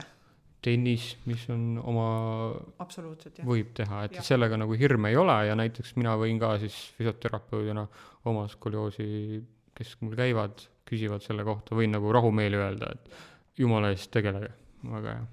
oluline on see, et, et noh, ta ise tunneks ennast äh, hästi ja et see oleks mitmekülgne nagu arendamine, et, et see, mhm. äh, et oleks nii, nii ühte kui ka teist ja kindlasti äh, noh ütleme, mõlemat keha poolt ja väga oluline on ka hoida selja liikuvust mm. -hmm. aga ta peab inimesele nagu meeldima ja sobima mm. -hmm mina sain siit praegu julgust juurde suunata üha rohkem nagu skolioosi spetsiifilisse teraapiasse, et, et et kui sa ikka kinnitad, et ta vajab hästi sellist nagu tunnetuslikku lähenemine, lähenemist, individuaalset lähenemist, et siis et, et Mina... see on asi, mida siit kaasa võtta kindlasti, et, et mina ka ja mina ka ja ma ütleks, et isegi enne lugemist ma ei teadnud lihtsalt, et need skolioosi spetsiifilised harjutused on nii efektiivsed. et kui ma lugesin, siis ma nägin, et see tõendipõhisus on nii tugev ja korsettravile samamoodi, et mina lihtsalt julgustaks, et inimesi, kellel vähekenegi ma ei tea, on perearsti juures saanud skolioosi kahtluse, et kas siis Jana või Sandra poole pöörduma, et, et täna näib, et meil on nagu konservatiivses ravis ikkagi nii efektiivsed võimalused, et et äh, olukorda äh, nii-öelda paremaks saada ja vältida operatsiooni, mis on üks nagu ju prim-, noh, üldisi eesmärke, absoluutseid eesmärke kõigi, kõigile vist, eks ole. Neid äh, spetsiifilisi terapeute, füsioterapeute ei ole nüüd nagu hirmus palju, aga ma tooksin kohe välja, et, et noh, kõige rohkem ongi meil Tallinnas see Ida-Tallinna Keskhaiglas on, lastehaiglas nii Mustamäel kui ka siis kesklinna polikliinikus, siis ähm, Haapsalus, Kuressaares, Viljandis, Tartus on väga mitmeid, Põlvas et noh, kindlasti on võib-olla mõned veel puudu jäänud, et aga ikkagi nagu üle Eesti tegelikult on võimalik leida spetsiifilisi terapeute. tavaliselt märksõna on šrotteraapia, see on siis S-C-H-R-O-T-H. et noh, ma näen, et seda nagu kasutatakse rohkem ütleme, selle teraapia nimetamisel, kuigi tegelikult see on ainult äh, üks konkreetne koolkond, muidu üldiselt me ikkagi ütleme skolioosi spetsiifiline füsioteraapia. selge, nii et neid nii-öelda tehnikaid on erinevaid, äh, see kategooria on justkui skolioosi spetsiifiline, füsioteraapiline skolioosi spetsiifiline harjutus. Ja siis see, mis sa mainisid, on, on üks nagu Eestis levinud, rohkem levinud tehnika või, kuidas läheneda või, või nagu ja, viis? et see tulebki, see on äh,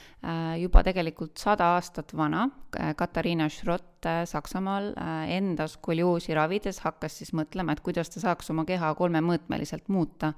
ning äh, sellest siis kujunes välja tema nimeline metodoloogia ja siis äh, noh, selle levides tekkis erinevaid koolkondasid, et on täiesti eraldi Poolas, Itaalias, äh, Prantsusmaal, Hispaanias, mis suures plaanis on äh, noh, väga sarnase ideega, kõik on nagu kolmedimensiooniline, aga väikeste siis erinevustega, põhiliselt noh, eristatakse ka võib-olla neid klassifikatsioone, et kuidas me mis kurvi nagu kutsume aga üldpilt on sama neil. mul on korra küsimus ka finantseerimise kohta, et kas siis ütleme nagu Jana, sa saad suunata näiteks siis äh, äh, ütleme füsioterapeudi juurde, sest ma saan aru, et üks võimalus on ka minna otse erasse, mis on ju täna ka rohkem levinum või noh, hakkab, hakkab nagu muutuma populaarsemaks võib-olla. et, et kuidas need võimalused on, et? Äh, kuna neid füsioterapeute on nüüd nii Tallinna lastehaiglas kui Tartu lastehaigla juures, siis me suuname otse, jah super, nii et see on Haigekassa poolt ka. üldjuhul on jah, nagu haiglate äh, all. noh, mina olen. sest ma arvan, et inimesed lihtsalt ei tea, et, et võib-olla on hea välja öelda. jah, et äh, noh, on võimalus muidugi tulla ka nagu erakabinetti ja näiteks on olemas ka selline asi nagu perearsti teraapiafond, et see on näiteks asi, mida mina kasutan, et perearst annab välja spetsiifilise saatekirja äh, füsioteraapiasse otse Äh, aga see eeldab, et siis perearst ise maksab Haigekassa hinnakirja alusel äh, selle teraapia eest siis füsioterapeudile. et äh, kõike seda ei kasuta, aga, aga see on üks nagu võimalus, kuidas saab otse füsioterapeudi juurde. super, ma kohe võib-olla, vabandust, ma võib-olla kaldun natuke, aga, aga mul tekkis nagu niisugune natuke selline lihtsalt nagu, nagu, nagu justkui küsimus, et et mul on mulje, et et üldiselt nii ühiskonnas kui ka nii arstide seas kui terapeutide seas, kes võib-olla otseselt spetsiifiliselt skolioosiga ei, ei tegele, et nad ei tea seda infot, mis me praegu räägime näiteks, et, et kui suur tõenäosus on, et võib-olla nii perearstide kaudu need, need noored ja lapsed, eks ole, Jana, keda sa mainisid, keda oleks vaja hädasti just saada õigete inimeste juurde, et nad võib-olla jõuavad siis ma ei tea, kas tavafüsioteraapiasse, kus võib-olla ei tehta neid spetsiifilisi harjutusi, et kui, kuivõrd nagu tõenäoline see on, et nad süsteemis lihtsalt lähevad kuskile, aga ei saa seda päris õiget asja. ma siin omast kogemusest võin Nii. öelda, et äh, kui ma nüüd valmistusin ka selleks nagu äh, kirjanduseks või ma olen rohkem siin Sandraga rääkinud, siis ma olen ka selle vea teinud tegelikult, et ma ei ole osanud õigel ajal nagu suunata. mina ka. sest ma arvasin või noh, kui ma loed sellist nagu üldist kirjandust või sellist nagu sügavamat kirjandust, millel nagu ligipää-, ligipääsu nagu ei ole, on ju, või sa eraldi nagu ei vaata, et siis jääbki nagu mulje, et noh, sa võid küll kehalist aktiivsust või sellist trenni tegemist nagu edendada, edendada, aga need skolioosi spetsiifilised harjutused teatud uuringutel ei ole nagu nii head efekti näidanud, aga teatud uuringutel on meil väga hea tõenduspõhisus, et need ongi just need, kuhu me peame nagu suunama. ja siis jääbki nagu mulje, et, et kas ma siis suunan, et ma pigem siin kinnitaksin nagu teistele ka, et kes siin kuulavad, et kui te ikka näete, et on probleem, et siis suunake õige spetsialisti juurde ja see julgus nagu suunata peaks vist para-, paranema, et ma arvan, me kõik oleme sellega ühel, ühel nõul. mul on täpselt sama kogemus, mis sinul mm, on. absoluutselt ja ma tunnengi nagu, et väga hea, et me räägime sellest, sest nüüd ma tean paremini, millal suunata ja ka kuhu suunata. et aga see on, mina näen, et see on ka oluliselt nagu paranenud, et et kui, kui see laps näiteks jõuab äh, füsioterapeudi juurde, kes siis võib-olla ei ole seda õppinud, et siis see füsioterapeut tegelikult ta suunab edasi. et, äh, et me ei ole ju kõik spetsialiseerunud kõikidele asjadele, et igalühel paratamatult on natukene võib-olla oma valdkond. et ma näen seda nagu spetsialistide vahel suunamist küll tihtipeale võib-olla siis ei rõhutata lihtsalt seda, et, et kindlasti võiks minna ja võib-olla see laps siis ka seal nagu kaob ära sealt radarilt. sest meil praegu selle valuteadusega on hästi palju seda infot, et äh, rühi pärast ei pea väga palju nagu muretsema, aga on siis olukordi, kus me ikka nagu peaksime muretsema ja nagu suunama. et justkui, kes nagu eraldi selle skolioosi spetsiifilise teraapiaga tutvunud ei ole, et siis võibki nagu mulje jääda või ma ise tunnen vähemalt, et mulje jäänud, et noh, ei ole, ei ole nagu hullu midagi, on ju, aga tegelikult nagu tundubki, nagu siin teie omavahelist nagu vestlust või ettevalmistust jälgides ka, et, et see on nagu justkui selline äh, diagnoos, kus nii aladiagnoosimine kui ülediagnoosimine on teinekord nagu samaaegselt, et, et just me tahame leida need inimesed, kes tõesti vajavad seda äh, skolioosi spetsiifilist teraapiat, aga on ka väga palju, kes võib-olla väikeste rühihäiretega selle võib-olla ma ei tea, funktsionaalse skolioosiga ja muude selliste asümmeetria pärast ka üle muretsevad, eks ju, et, et, et üheaegselt me peame siis veel paremaks muutma selle, selle nii-öelda diagnoosi ja õigete inimeste ülesleidmise ja ravimise. mul on veel küsimus ähm, äh, selle kohta, et kus äh, mina näiteks saaksin skolioosi spetsiifilist teraapiat äh, õppida, et kui mina näiteks kas äh, füsioterapeudi, treeneri või teisest tervisespetsialistina tahaksin ka sama asja siis nagu, sama asjaga tegelema hakata. kas Eestis ma üldse saan seda teha? Äh, noh, Eestis on olnud siin äh,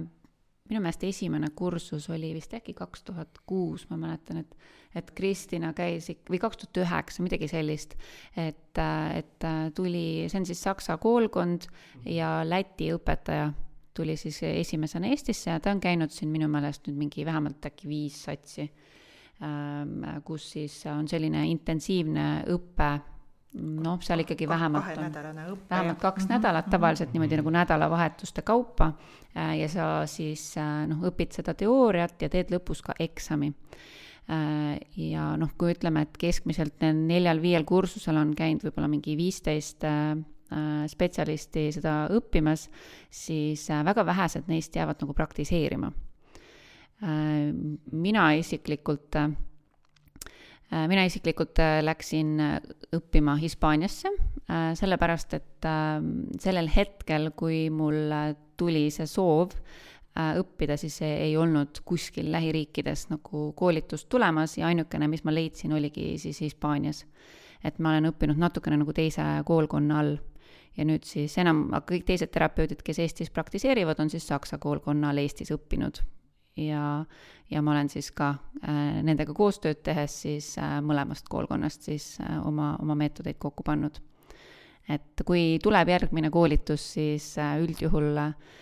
on see olnud äh, doktor Sooba korraldatud, ehk siis äh, ITK-s nii et ikka käib Eestis ka koolitusi, kas seal saavad osaleda ka näiteks äh, teised tervisespetsialistid, kes ei ole nagu meditsiinisüsteemis, kas treenerid, pilatese treenerid või? isegi lapsevanemad on sinna isegi lapsevanemad? jah, et kui lapsevanem on huvitatud seda tehnikat omandama, siis igati teretulnud, jah mm. -hmm. aga, aga see... Hispaanias näiteks äh, sa äh, pidid olema füsioterapeut, et okay. Äh, meie grupis oli üks noormees, kellel oli veel paber lõpetamata, et siis tema sai oma tunnistuse peale seda, kui ta oma füsioteraapia õppe lõpetas ma tegelikult saan päris hästi ka aru, miks tegelikult kõik tegelema ei jää, et kui sa seda nagu hakkad spetsiifiliselt õppima, see on päris keeruline ikka seda õigesuunalist koormust nagu õpetada, et kui sa sellega igapäevaselt ei tegele, et näiteks kui minu juures võib-olla aastas võib-olla ma leian ainult paar nagu last, on ju, ja siis ma pean selle uuesti välja otsima, mul on kergem nagu edasi nagu suunata, et, et see ikka nõuab, et sa ikka sellega vist äh, tegeleksid ka pikem ajaks, ajaliselt ja kogu aeg, et siis on lihtsam selle nii-öelda rakendus ka või? Äh, ja Anno, ma arvan, et minul läks vähemalt mingi kolm-neli aastat, kui ma tundsin, et ma nagu natukene tunnen ennast juba selles asjas äh, kindlamalt, et see on asi, mis, äh, mis võtab aega ja harjutamist, lisaks noh, me tahame ju näha seda nagu positiivset tulemust, aga paraku see ei ole ainult meie enda kätes, et ma võin õpetada need kõige paremad harjutused, aga kui, kui see, kui see patsient neid ikkagi ei tee, siis ma ei näe sealt ka tulemust ja siis noh, võib tekkida ka tunne, et, et minu tegevusel ja sellel teraapial võib-olla ei ole nagu efekti mm. -hmm kuna see võtab kaua aega aega ka, eks ju, mõned patsiendid kaovad äh, huviorbiidist ära põhimõtteliselt. siis, siis ikka seda endale, terapeudile tagasisidet on teinekord isegi vähem, et sa ei näe seda tulemust, aga et sa oled õnneks väga palju nagu kuhjanud, te mõlemad olete väga palju kuhjanud äh, neid äh, inimesi skolioosiga ühte gruppi, ma tean, üks, Facebooki grupp on vist hästi Äh, äkki ta-, äkki tahad sellest nagu rääkida, et ma teinekord olen isegi oma patsiente sinna nagu suunanud, et kui teil on skolioosi spetsiifiline küsimus, et siis sinna, sinna pöörduda, et, et hea, et te olete nagu teinud selle suunamisega kõigile lihtsamaks. Nojah, eks, ähm, et selle grupi, mille leiab üles, kui otsida Facebookist lihtsalt kaks sõna skolioos Eesti, et see on kinnine grupp, mis on mõeldud siis äh, noh, e-, eelkõige ütleme lapsevanemale või, või skolioosiga inimesele või selle vastu nagu siis noh, siirast huvi tundvale, ütleme, spetsialistile või inimesele, äh, kus siis äh, noh, seal ei ole küll nüüd väga aktiivset elu, aga ikkagi tihtipeale me saame seal ühendada inimesi, kellel on võib-olla samasugused küsimused, inimesed jagavad oma kogemusi äh,, alates siis äh, skolioosiga sünnitamisest kuni siis äh, kuhu ravile minna. et äh,, et ta on selline mm, keskkond, kus tegelikult võiks ennast nagu turvaliselt äh, tunda ja seda nagu äh, infot otsida ja see seltsi üritused on teil ka alati, kui ma neid jälgin, siis see on nagu nii tore, et see sotsiaalne komponent, et nagu te ennem mainisite ka, et skoliotikud saavad koos nagu käia äh,, näha, kuidas teistel läheb ja et, et see on oluline ja et jagada neid omavahelisi kogemusi, et see on nagu lihtsalt suurepärane. kui tihti neid kokkusaamisi teil on? üritused nagu erinevat sorti ka, et me vähemalt kord aastas kutsume saksa lektoreid siia mm, -hmm. et siis me räägime, et äh, Kas lastevanematele, lastele või, või, või siis kõigile huvilistele üldse skolioosist, et eh, just tänastest teemadest, et eh, kuidas skriinida, kuidas ära tunda, et kõik need. ja siis eraldi on lasteüritused, mhm. päevalaagrid, siis suvelaagrid, mis on hästi oodatud ja sügisest kuni, kuni, kuni suveni, et me korraldame kord nädalas Tallinnas skolioosi spetsiifilist rühmatreeninguga jah, aga seal ongi rühmatreeningus on siis hästi oluline, et see, et see nooruk juba tegelikult valdab siis neid enda, enda harjutusi. et, et sinna, sinna on vajalik need eelteadmised nagu saada. rühmas teevad kõik oma harjutusi ikkagi jah, et meil võib olla nagu sama harjutus, aga et üks teeb seda paremale poole, teine teeb vasakule poole, et, et seal sa pead teadma nagu enda seda spetsiifikat mm. -hmm ma tuleks natuke tagasi, kuna ma arvan, et see ongi selline teema, kus peab jälle mingi teise nurga alt äh, justkui lähenema samale asjale, et seda nii nagu kuulaja jaoks võib-olla natuke selgitada, et et äh, päris alguses siis sai mainitud, et kui siis see koobi nurk on vähemalt kümme kraadi, et siis alles võib öelda, et on, on tegu skolioosiga. aga et suurel hulgal inimestest üldse ju siis ütleme, maakeral on seal võib-olla viis, kaks, kolm, seitse, kaheksa ja, ja võib-olla täiskasvanu eas on ka umbes taoline, siis me võimegi öelda, et on palju inimesi, kellel ei ole üldse skolioosi, eks ole. aga siis me rääkisime ka nendest erinevatest kraadidest natuke, me rääkisime sellest päris kiiresti, et mina tahaks natuke nendest raskusastmetest võib-olla veidikene veel rääkida selles mõttes, et et äh, need raskusastmed on ju ikkagi erinevad, eks ole, ja, ja teatud nurgast nii-öelda ikkagi elukvaliteedi prognoos on oluliselt viletsam. ja, ja, ja siis on mul üks selline number siin, üks selline protsent, mis ütleb seda, et et kõikidest inimestest, kellel on diagnoositud skolioos, kõikidest, et nendest ainult kümme protsenti vajab konservatiivset ravi et, et, et. operatiivsed ilmselt? ei, ei üldse ainult, üldse ah. konservatiivset ravi okay.. ehk, ehk siis ma saan aru, et need, kellel see nurk on nii-öelda hästi tagasihoidlik, et neil otseselt konservatiivse ravi sekkumist ei, ei ole vaja või? sest ma mõt-, ma mõtlen lihtsalt seda, miks ma seda nagu tahan nii selle nurga alt võib-olla küsida. jällegi mina siis lähenen justkui, kes ei ole kursis, eks ole ju, täpselt ei tegele selle spetsiifikaga. Mul on natukene selline nagu kahtlus, et ütleme, kui see nurk on, ütleme, väike, eks ole, tagasihoidlik ja progressioonirisk on võib-olla madalamapoolsem, eks ole, ja ütleme siis see nooruk on juba natuke vanem, eks ole, ütleme see risser on seal neli või midagi taolist. et kui nüüd see noor panna neid näiteks harjutusi tegema, mis sa ütlesid, on suht igavad, eks ole, mis ilmselgelt töötavad, on ju, aga et kas just sellel noorel on seda vaja, kellel see, ütleme, risk on hästi madal, on ju. Pluss siis võib-olla, et ja, ja et, et korsett, ma saan aru, et, et seda võib-olla kantakse alles siis, kui nurk on suurem, on ju, et, et kuidas me saaks nagu kuulaja selg-, su kuulajale selgeks teha, et, et ta nüüd nagu kuuldes seda, et ahah, mul on skolioos, nüüd ma pean tegema seda, seda, seda, et võib-olla võime ta maha rahustada öelda talle, et kuule, et sa ei pea võib-olla ühtegi neist asjadest tegema, et kõik on okei. Okay.. vot see on see minu noh, nagu niisugune laiem nagu küsimus või, või vaatenurk, et äkki, äkki saate seda nagu kommenteerida? siin oleks väga hea selle pildi näidata, et on sul see kaasas, et ette näidata, seal on see graafik, kus on alumisel real on kasvuprogressioon, siis on vanus, kui sa vaatad, et esimene väike nurgakene, et noh, kus, kus laps on noorem, siis sa piirdud ainult observation'iga, siis järgmine on see eh, physioterapics on ju, ja siis edasi juba see bracing and physioterapics, et ja siis edasi, et sa kaalud, et kas, kas, kas see laps vajab, et operatiivset ravi, et selle et nurga ja progressiooni riski suurenemisel, jah ehk siis seal on teatud algoritm nagu astmeline, kus sa lisad siis lihtsalt vaatlemisest vajadusel juurde järgmisi asju. aga ma saan aru, et enamik siis äh,, enamikul piisab vaatlemisest. isegi kellel on skolioos või?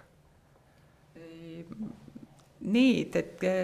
need, kel me, kel, kel, kel me diagnoosime, et äh, ainult rühihäired, mis ei pruugi enam, et süveneda, et ja. kus et, ütleme, et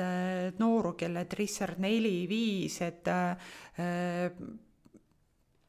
väik-, väike kurv, et äh, rönt-, röntgenis on näha, et kurvi, et alla kümne kraadi, äh, siis me ei, ei panegi skolioosi diagnoosi välja. Äh, see noor, et vajaks, et võib-olla füsioteraapiat, et kehatunne, tunnetust õppida juurde, aga sellist intensiivset skolioositeraapiat ta enam ta ei, ei vajaks. aga isegi ja. need, kellel on siis ütleme, ütleme sama kategooria, eks ole, aga ütleme siis ongi kerge skolioos, ütleme seal kümme, kaksteist, viisteist, et kas kas nemad vajaks juba või mitte, sest see, sest ma eeldan, et neid on kõige rohkem ju. või, või, või kui statistikat vaadates tundub, et seal on väga suur ports inimesi, et mida suuremaks lähevad kraadid, seda vähem jääb, vähemaks jääb numbrite inimeste arv. ehk siis kuulaja, kes kuulab, eks ole, suure tõenäosusega kuulajad, kui neil on skolioos, nad on kaheksakümmend protsenti, sealt on võib-olla kümme kuni kakskümmend staadiumis või? või noh, ma ei tea täpselt, aga noh, nagu niisugune suvaliselt pakkudes, et ma arvan või... tegelikult, et praegu võib-olla äh, need, keda me nagu tahaks target eerida, et nemad ei kuula seda podcast'i praegu, sest nad on kümme kuni kaksteist aastat vanad. Jah. aga, aga nende küll. vanemad siis võib-olla, et, et võib-olla jah, vastuseks su küsimusele, et äh, need, kellel on veel äh, siis kasvupotentsiaali, et põhimõtteliselt nagu noorukid et nemad kindlasti peaksid äh, siis äh, nagu oma ravi saama, tegelikult täiskasvanul, äh, kellel ei ole nagu suuri kurve, siis noh, seal ei ole otseselt ju mingit ravi vaja, kui sind just võib-olla ei, ei häiri mingisugune noh, oluline aspekt võib-olla oma välimuses või siis, või siis, et sa lihtsalt oled väga kirglik selles osas, et ehk siis, ehk siis kui me räägime, kuna me oleme praegu ju rääkinud suuresti ikkagi nagu kasvavast organismist, me täiskasvanutest oleme suhteliselt vähe rääkinud, et ütleme, kas täiskasvanu, ütleme, kellel on nagu ütleme, ta on kahekümne viie, kolmekümne, neljakümne aastane, tal on, ütleme, kerge skolioos, eks ole, et kas tema nagu, väga paljud inimesed lihtsalt kohutavalt muretsevad, et et neil on noh, et neid ootab ratastool näiteks või midagi kohutavat. Et, et kuidas seda nagu kommenteerida, me natuke rääkisime vaata enne sellest ka, et ühel hetkel see noh, nagu skolioosi nagu progressioon justkui ju noh, stabiliseerub või, või edasi eriti ei lähe, kui just see nurk ei ole väga suur, eks ole, et, et et, et kuidas, kuidas neid inimesi nagu, nagu rahustada, kes, kes liigselt muretsevad? No siin ma tavaliselt äh, ütlengi jälle sedasama, et kui sul on üle kolmekümne kraadine, et siis ta elu jooksul äh, noh, väga-väga väikeste sammudega võib progresseeruda, kui on vähem, siis see tõenäosus on, on väga-väga väike. ja noh, skolioos ei tekita mingisuguseid olulisi elukvaliteedi, elukvaliteeti siis halvendavaid asju ning noh, ma arvan, et et see lülisammas on ju äh, luustunud, ta tõenäoliselt ikkagi elu jooksul enam ei muutu, sest üldjuhul need kraadid jäävad alla kolmekümne kraadi. loomulikult sa pead püsima nagu äh, aktiivne ja äh, liikuv, aga, aga see ei tähenda, et sa nüüd pead otseselt selle seljaga midagi tegema. et sest ka täiskasvanu eas me ei saa enam ju seda lülikuju muuta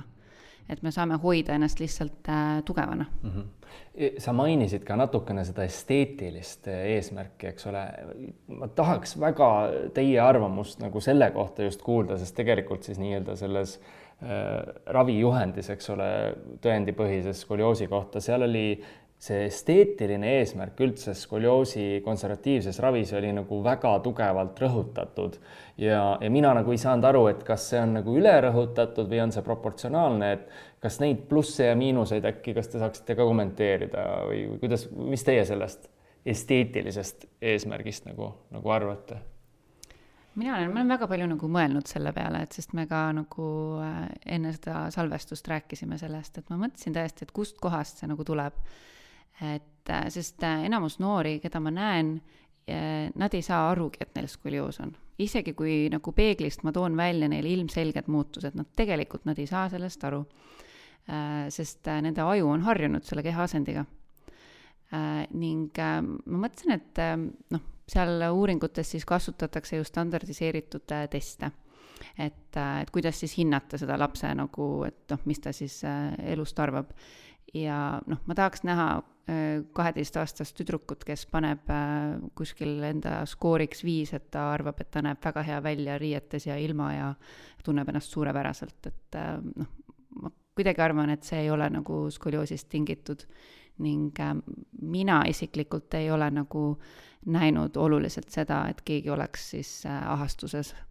oma asümmeetriate pärast. ütle ütleks, et äh, sinna juurde, et poisid võib-olla, et märkavad oluliselt rohkem, et rindkerasümmeetriat, et see neid häirib, et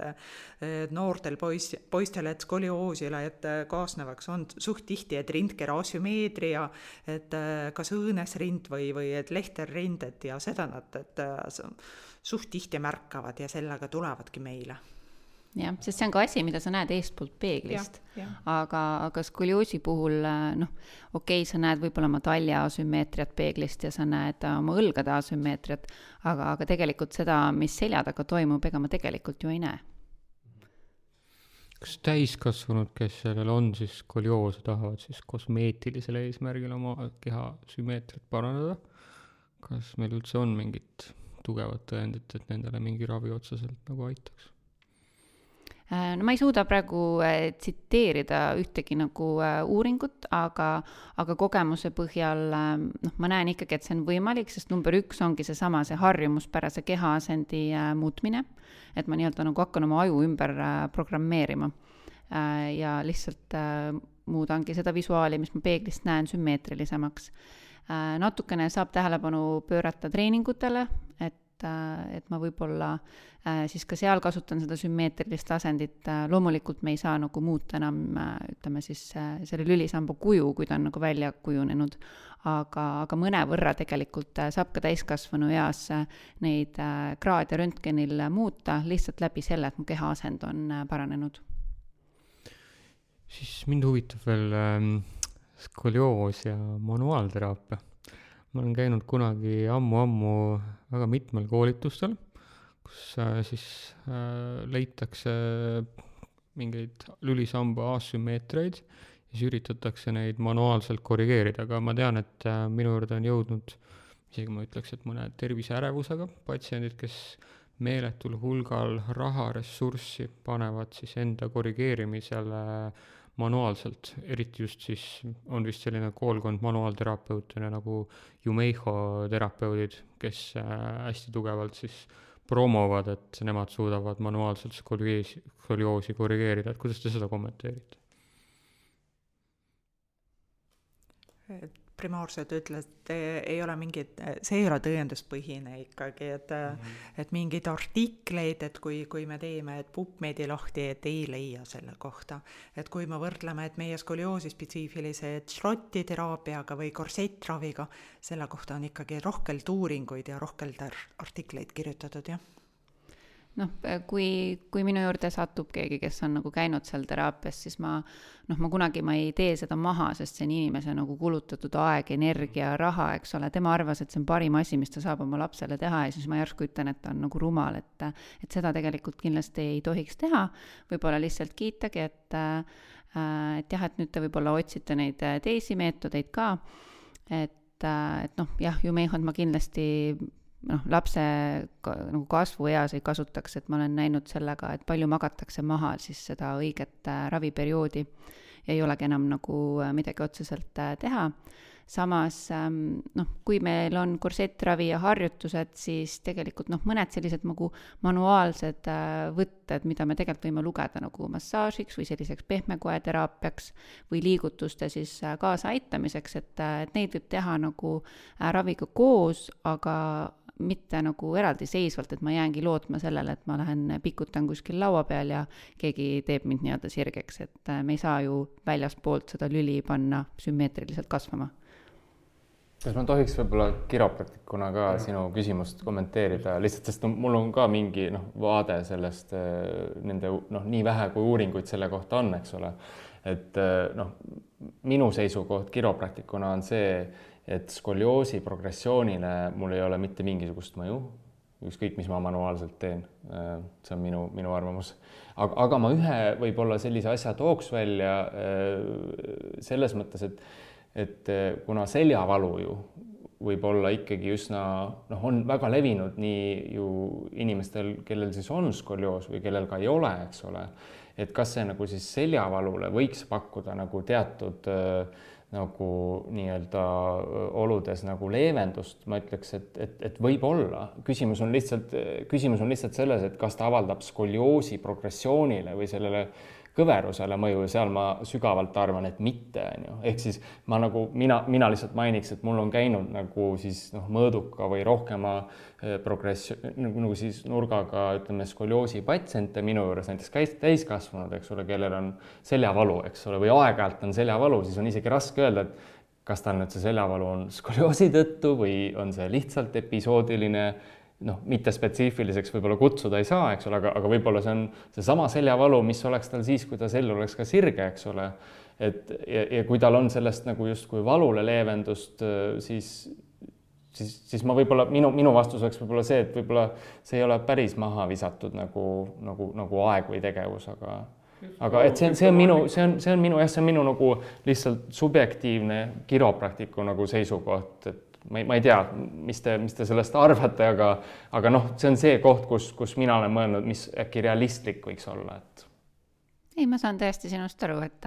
et minu jaoks lihtsalt nendel noh, ütleme passiivsetel asjadel on oht ainult siis, kui sellepärast jäävad midagi aktiivset, jääb tegemata. oo oh jaa, ma arvan, et see oleks. et see on ainukene asi. absoluutselt mm, -hmm. just, et, et nagu lisana valuleevendusele nii-öelda, eriti kui patsient tajubki muutust, see, sa ei ole nagu selle, selle vastu ei, kindlasti mitte, et põhiliselt ongi lihtsalt, et äh, kui ma arvan, et siis kasvueas noor, kellel on progressioonirisk, et kui ta arvab, et ainult nende passiivsete teraapiatega saab ta terveks, et siis äh, see on äh, nagu väga halb. kui ma olen täiskasvanu, siis äh, noh, esiteks äh, ma võin teha, mis ma tahan, eks ole, aga äh, ja, ja noh, nagu sa ka ütlesid, et tegelikult äh,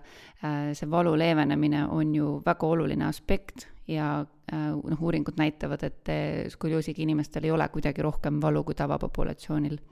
et siin natukene on jah, see äh, muna ja kana teema, et kumb enne oli. just, aga, aga see on väga hea, et sa selle välja ütlesid ja mina kiropraktikana ütlen ka seda kindlasti, et need asjad, mis me täna rääkisime, mida Jana ja, ja, ja, ja Sandra. tegelikult ma tean küll, aga kui sa, kuna juba Sandra, Sandra huultega, huultega tegi siis ma jätan selle sisse, sest episoodis natuke nalja ka saama. et, et, et mis sai mainitud siis nagu efektiivsete nende meetoditena on ikkagi need meetodid, mis on siis skolioosi spetsiifilised harjutused, eks ole korsett vajadusel, eks ole, olenevat raskusastmest ja kõik need muud tegevused, mingid kiropraktikad, kuradi jumeihad, eks ole, ja nii edasi, need on täiesti kümnenda või rohkema kaugema järgulised. Ma kiropraktikuna ütlen seda seda on äh, väga nagu hea kuulda manuaalterapeudi enda no. suust, et palun et sul on nagu oma nagu inimestele siis nii-öelda teistele manuaalterapeutidele hea, hea eeskuju. ja, ja pigem ma ütleks isegi, et äh, ma võtan selle oma nagu eesmärgiks, et ka oma kolleege võib-olla nagu mitte et harida, vaid, vaid võib-olla nendega ka läbi rääkida, et kas nemad ka ikkagi õigel ajal suunavad või mitte, sest mina ise tunnen, et ma ei ole seda teinud. et, et see tänane ettevalmistamine selleks episoodiks on, on teinud äh, täpsemaks seda arusaamist, millal ma peaks tegelikult teie juurde suunama neid inimesi, kellel või noh, noori, kel ja lapsi, kellel on skolioosi süvenemise risk. Äh, nii, mis siis mis siis veel, kas me räägiksime, kas me võiksime eraldi rääkida ka, kuigi me juba rääkisime natukene ka screening ust, ehk siis noh, selles mõttes, et võib-olla, võib-olla siis nendest tasemetest, millest me veel ei rääkinud, et, et mida näiteks kool saaks teha või, või, või et kas on, kas on veel mingid nagu lapsevanemast rääkisime, rääkisime, eks ole, kooli või tähendab siis perearstist, eks ole, terapeutidest, aga et kes veel võiks noh, nagu rolli mängida siis nagu selles screening us, et ära nagu sõelale saada siis need noored, kes vajaks suunamist? ma ütleks, et kõige tähtsam roll on ikkagi, et pereliikmetele, et emal-isal, et nemad näevad, et lapsi ikkagi kõige sagedamini ja, ja innustaks neid, et rohkem tähelepanu ja trügile pöörata jah, ja, ja et noh, kui, kui mingi kohtlus ikkagi on, et kahtlus, kahtlus ongi reeglina, et õlad eri kõrgusel, et või, või lapsevanem ise põeb skolioosi ka, et noorest, noorest east mäletab, et pidi massaažidel käima, et pidi kuskil, et ravi kehakultuuri, et kabinetis käima, siis ikkagi, et õigel ajal suunata edasi ja et lapsevanem võib siis minna otse füsioteraapiasse või pöörduda perearsti vastuvõtule ja perearst suunab siis edasi. Aga screen ida võiks kindlasti äh, ka koolis ja minu meelest seda noh, minul tegelikult kooli ajal ma mäletan, et mulle küll tehti seda, aga, aga ma ei teagi, kuidas siis äh, kuidas siis näiteks seal minus skoliosi ei avastatud, et mulle tundub, et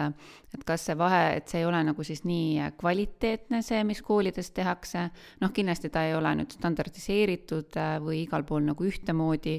noh, seda ei tehta ka ju väga sageli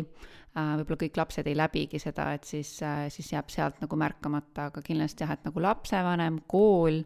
äh, siis tegelikult perearsti juures käies võiks seda teha. mina olen kuulnud ka tihti, et näiteks treener ütleb lapsevanemale, et kuule, vaata, et, et ma näen teda võib-olla seda ja seda asja tehes, et, et äkki, äkki lähete vaatate selle selja üle, et ma kuulan ka treenerit ja kindlasti spordiarstid ka, et me oleme väga tänulikud, et spordiarstid suunavad ikkagi regulaarselt. super. kas me nüüd võiksimegi äkki, äkki rääkida ka operatiivsest ravist ja võib-olla Sandra siis sinu kogemusest ja, ja Jana võib-olla sinu seisukohast üldse riskidest, et sest, sest osaliselt ju tänase selle episoodi nagu eesmärk ongi, et kui on nii palju häid tegevusi, mis saavad opi vältida, noh, millega saaks opi vältida, et äkki äkki, äkki räägiks nagu sellest opist ikkagi siis ka ja, ja sinu isiklikust kogemusest ja, ja, ja näiteks kasvõi sellest, et mis nurgaga siis sind üldse diagnoositi ja noh, nii-öelda kuidas, kuidas sul see, kuidas sul see kõik nagu läks? jah, no arvestades, et kuidas eh, noh, üldjuhul ta tekib ikkagi nagu teismeeas, kus võib-olla eh, noh, sa ei eh, teismelisena võib-olla arvad, et sa oled kõige targem, aga sa tegelikult maailmast veel nii palju ei jaga, et siis äh, noh, ega noh, ma isiklikult kõiki asju tegelikult täpselt äh, ei mäletagi. aga üldjuhul äh, operatsioonile suud-, suunatakse need noored, kellel on siis see kõverus juba üle neljakümne viie kraadi noh, praegu õnneks, eks ole, meil on olemas need harjutused ja korsettravi, et need tuleb alati enne kõik ära proovida ja, ja siis, kui me näeme, et, et see progressiooni risk on ikkagi suur, et siis, siis kirurg nagu vaatab ja otsustab. et üldjuhul siis noh, fikseeritaksegi selg metallvarrestega ja noh, see teeb selja nüüd sirgemaks, et enam nii-öelda seda skolioosi ei ole nii suurt, aga ta teeb ka selja siis jäigemaks et üldjuhul alguses operatsiooni järgsed äh, äh, piirangud on, noh, alguses on, ütleme, haavaga seotud ja siis ütleme, kuni poole aasta jooksul äh, ei tohi seal väga äh,, noh, väga aktiivset äh, sporti või liikumist teha, sest sellel ajal veel äh, see metall, mis pandi, luustub. aga, aga peale seda äh, tegelikult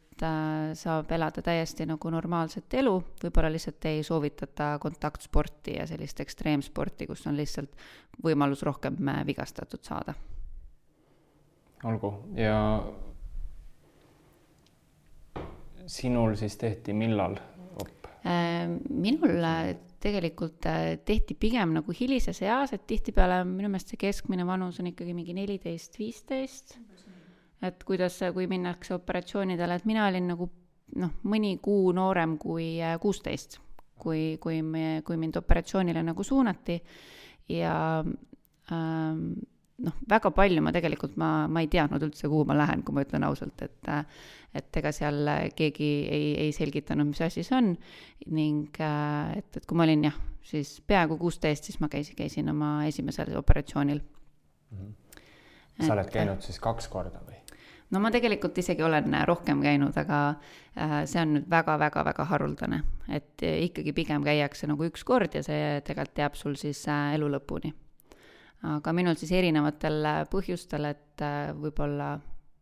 kas siis keha lükkas seda metalli eemale või ma ise olin liiga nagu agar liikuja, et siis pidi seda korduvalt korrigeerima, kuni siis tegelikult, kui ma olin kakskümmend üks, siis eemaldati, et kuna äh, Äh, kuna metalli ei olnud võimalik enam äh, kinnitada kuskile ja juba lülisammas oli luustunud ja arst nägi, et tegelikult ei ole vaja seda tagasi panna. nii et sul ei ole täna enam rauda kehas sees või? Äh, no millegipärast mulle kaks kruvi jäi lülikehadesse, et ma vaatan, et no mul on nagu kõrvarõngad seal lülisambas, aga aga metalli mul otseselt enam ei ole, järelikult oli hästi luustunud, neid ei saanud enam välja tõenäoliselt. sest minu, minu arusaam oli ikkagi see, et see, kellel see op tehakse, et see jääb. see jääb, üldjuhul jääb, sellepärast ma ütlengi, et ma olen väga-väga erandjuhtum ah,, et ärge minge arsti juurde ja paluge oma metalli välja võtta, et ah, see oli erandjuhus. selge, okei okay., ja, ja kuidas see selg toimis, kuidas su kogemus oli selles mõttes, et äh, kui see metall oli seljas sees, et kas selg valutas või kas sa said nagu mingit, kas sa tundsid, et su liikumisel on oluline piiratus või kuidas, kuidas sinu nagu kogemus sellega seoses oli? Ehm, noh, ma olin üsna aktiivne noor, et äh, ma selles mõttes ma ei tajunud, et, et ma otseselt nüüd midagi nagu teha ei saa ja pigem noh, pigem lihtsalt see operatsioonijärgne periood, kus sa oled nagu, äh, nagu nõrgem, äh, siis noh, need olid need ajad, kus ma natuke nagu pingutasin üle, sest ma nagu tahtsin olla samasugune, nagu ma olin enne, et ma noh, käisin noh, aktiivselt võib-olla trennis, et, et ma ei tundnud nagu väga suurt nagu liikuvuse piiratust, aga lihtsalt see, et, et kui sa käid operatsioonil, siis sa oled pärast lihtsalt nõrgem. et, et seda ma tundsin, tundsin küll. Äh, väga oleneb sellest, et kui pikk on sul see fiksatsioon, et äh, mõnikord äh, lihtsalt tehakse mingi neli-viis lüli, ainult korrigeeritakse metalliga, et, et minul oli peaaegu terve nagu selja ulatusesse ja ma sain ikkagi nagu kõiki, kõiki asju nagu teha. okei okay.. Jana, mul on sulle üks küsimus, et me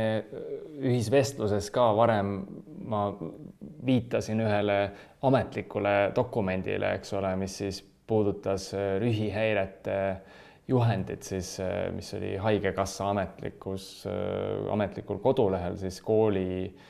õdedele, eks ole, ja, ja kooli, kool, koolidele nagu siis tehtud ja mis oli üsna juba vana, minu meelest, kas see dokument ise oli üle kümne aasta vana vist või nii? Ja, ja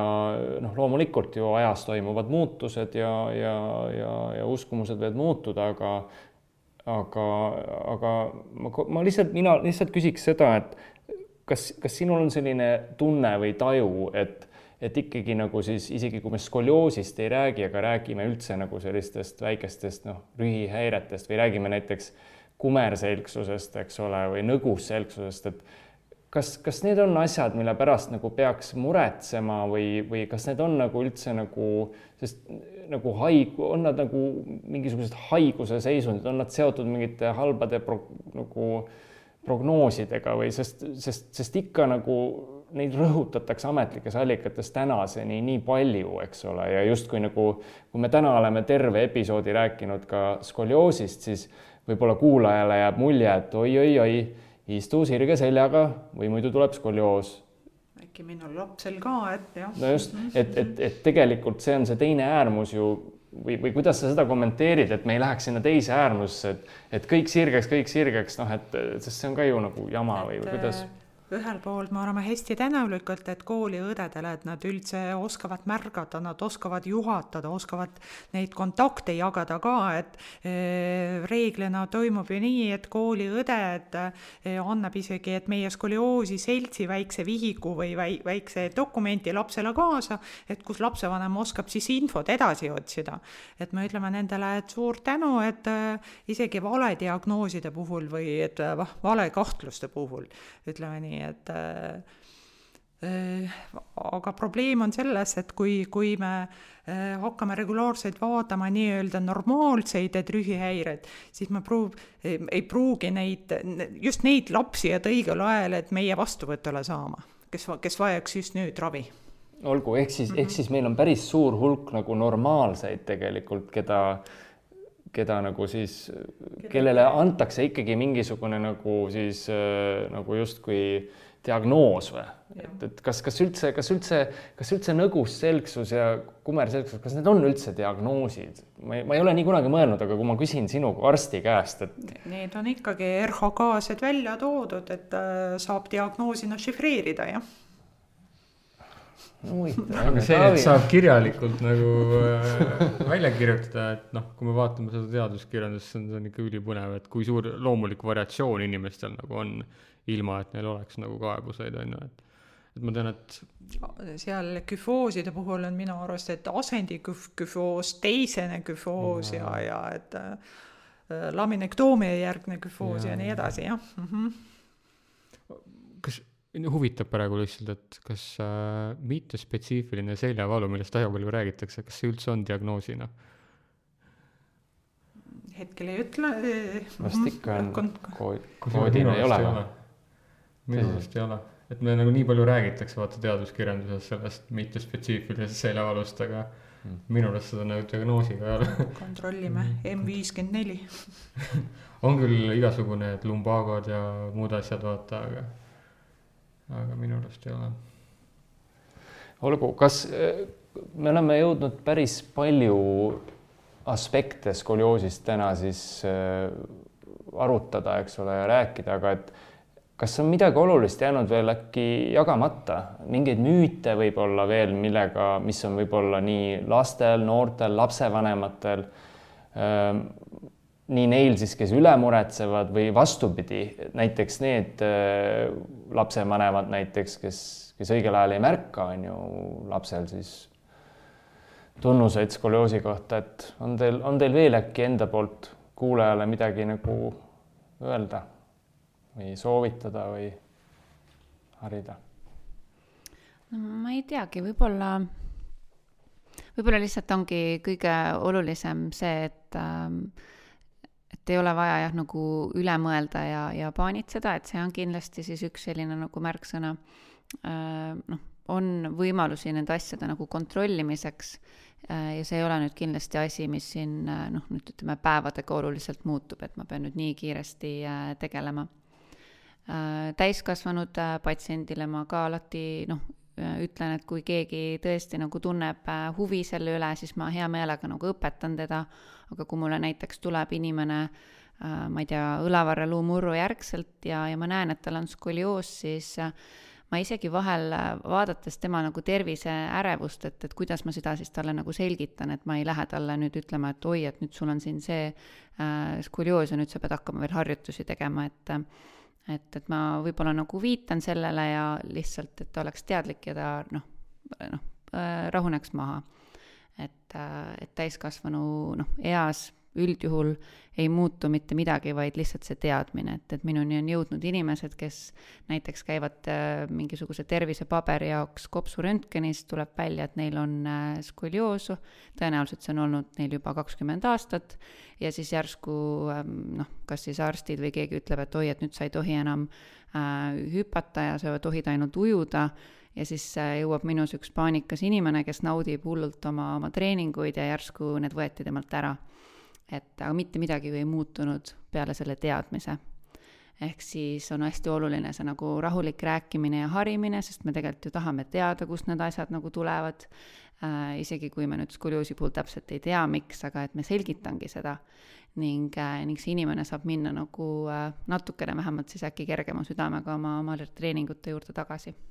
see on tegelikult nii oluline, et me inimesele ütleme, et see on okei okay,, et sa liigud ja trennid edasi, et et see on see nõustamine, mis teinekord nagu inimesed nagu vajavad, aga see, noh, nimetame seda nagu rohelise lipu lehvitamiseks, et et me meditsiinis väga palju otsime neid vigu või tahame seal nagu keelde panna, aga me peame ka paremaks saama selles, et me anname luba ja ütleme, et on okei okay liikuda, et selle, see on asi, mida me vist üldse peaksime rohkem nagu tegema, et et see asjalik, asjalik nõustamine selles osas jah, tihtipeale noh, vahel võib kuluda ju kogu see aeg, mis sul on patsiendi jaoks, võib kuluda ainult tegelikult vestluse peale ja selle võib olla oluliselt nagu suurem efekt kui, kui mingite harjutuste andmisel. et äh, inimene saab rahulikult oma mure nagu väljendada ja, ja kuulata sind, et äh, hästi oluline roll on ka selle noh, nõustamisel, kuulamisel, rääkimisel. Jana, kas sul on ka midagi veel kuulajale võib-olla lisada, äkki midagi, mis, mis jäi ütlemata? Jät-, jätkaks sama teemaga, et paluks, et äh, lapsi märgata, et paluks hoida silma ikkagi peal, et kuidas rüht välja näeb, kui aktiivsed nad on. Mind end väga häiris, et äh, mis toimus Covidi ajal, et kui lapsed olid tuppa lukku pandud, et äh, lukku alla pandud, et ja, ja et vana, vanemad viitasid ju, aga kõik trennid on ju kinni. et tegelikult on nii palju võimalusi, et liikumiseks ja, ja sportimiseks, et noh, lihtsalt, lihtsalt peab end kokku võtma ja välja minna mul oli viimase küsimusena, et äh, kuna pime aeg algab ka ja üks riskifaktor oli siis äh, päikesevalguse eest nagu skolioosi nagu riskifaktorina see, see päikese puudumine, kas D-vitamiini tarbimine kuidagi aitaks seda ennetada või noortel lastel või? no või... ma arvan, et tegelikult iga eestlane peaks või ka põhjamaalane peaks nagunii talvisel perioodil D-vitamiini sööma, et siin isegi Äh, ma ei, ma ei seoks seda nagu skolioosiga, aga kindlasti see on asi, millele tuleb jah tähelepanu pöörata. super mm., suured tänud, äh, Sandra ja Jana, meie podcasti külalistena siin esinemast ja, ja jagamast seda infot. jah, ma sain ka kõvasti targemaks ja aitäh, et tulite. täname teid. aitäh, et kutsusite. mina olen füsioterapeut Taavi. ja mina olen kiropraktik Martin, aitäh kuulamast. nägemist